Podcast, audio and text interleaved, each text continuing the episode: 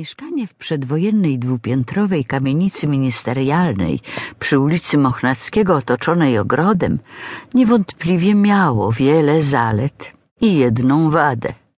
O niej przekonała się Kasia w ciągu trzech miesięcy od urodzenia Zosi. Nie zainstalowano tam windy. Przedtem gdy była już w zaawansowanej ciąży, nie miało to znaczenia, ale teraz dźwiganie po schodach na trzecie piętro wózka dziecięcego z zawartością dawało jej się we znaki. Wprawdzie kilka miesięcy temu zawiadomiono ich o dobiegających końca pracach w ich wyczekiwanym od lat mieszkaniu spółdzielczym, ale zaaferowani zmianami, jakie nastąpiły w ich życiu po pojawieniu się córeczki, nie kwapili się do przeprowadzki. Zwłaszcza, że poznali już lokalizację i zamieszkanie w świeżo wzniesionym wieżowcu nie nęciło ich zbytnio. Wrócę dziś trochę później. Mam po pracy konferencję prasową w FSO, powiedział Maciek tamtego dnia, wychodząc.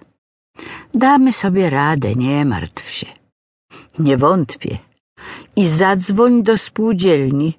Poproś, żeby przełożyli nasze oglądanie mieszkania na inny dzień. W tym tygodniu nie dam rady. Kasia mimo dość licznych obowiązków macierzyńskich, niezmiennie realizowała też polecenia Maćka spisane na pozostawianych jej kartkach. Lubił być szefem, a ona poddawała się temu bez szemrania. Spółdzielnia mieszkaniowa była niedaleko, przy Słupeckiej. Wystarczyło przejść na drugą stronę Grujeckiej przez plac Narutowicza. Zamiast dzwonić, Kasia postanowiła zajrzeć tam, idąc na spacer z córeczką. Urzędnik rozpoznał ją ze sceny. Był na jakimś koncercie czy podwieczorku przy mikrofonie, w którym brała udział. Dzięki temu przełożenie terminu oglądania mieszkania przyszło bez trudu. Tym bardziej, że owo mieszkanie, jak się okazało, nie było jeszcze gotowe do pokazania. To dziwne, jak mówienie o pewnych sprawach prowokuje uruchomienie działań ich dotyczących. Bo tego właśnie dnia rozpętała się lawina zdarzeń zapowiadających zmiany. Kiedy Kasia wtaszczyła na górę wózek ze śpiącą córeczką, drzwi otworzyła jej Matylda ze ścierką w ręce. Była podekscytowana.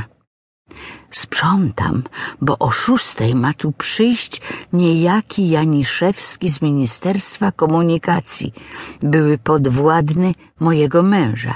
Teraz pracuje na jego stanowisku. Przypomniał sobie nagle o nas. Ładnie z jego strony, powiedziała Kasia. Rozbiorę Zosię, nakarmię ją i pomogę mamie. A w ogóle to co tu sprzątać? Przecież w stołowym jest porządek. Daj spokój, nie na tyle, żeby przyjmować w nim gości. Kasia wzruszyła ramionami. Uznała, że nie warto na ten temat z Matyldą dyskutować. Przed każdymi odwiedzinami kogokolwiek ulegała panice. Już po wizycie urzędnika stwierdziła, że cała ta poprzedzająca ją nerwowa krzątanina teściowej była zupełnie niepotrzebna, bo powód jego odwiedzin nie był bynajmniej odruchem serca. Po kilku latach od śmierci Marcina Kalczyńskiego, męża Matyldy i ojca Zuzy i Maćka, Ministerstwo Komunikacji postanowiło odebrać rodzinie zmarłego pracownika mieszkanie służbowe. Potrzebne im było dla kogoś ważnego teraz w ich hierarchii. Tak więc oczekiwany w dobrej wierze gość pojawił się z nakazem eksmisji.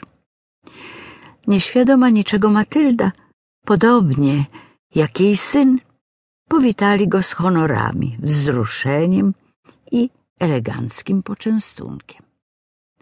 Tym trudniej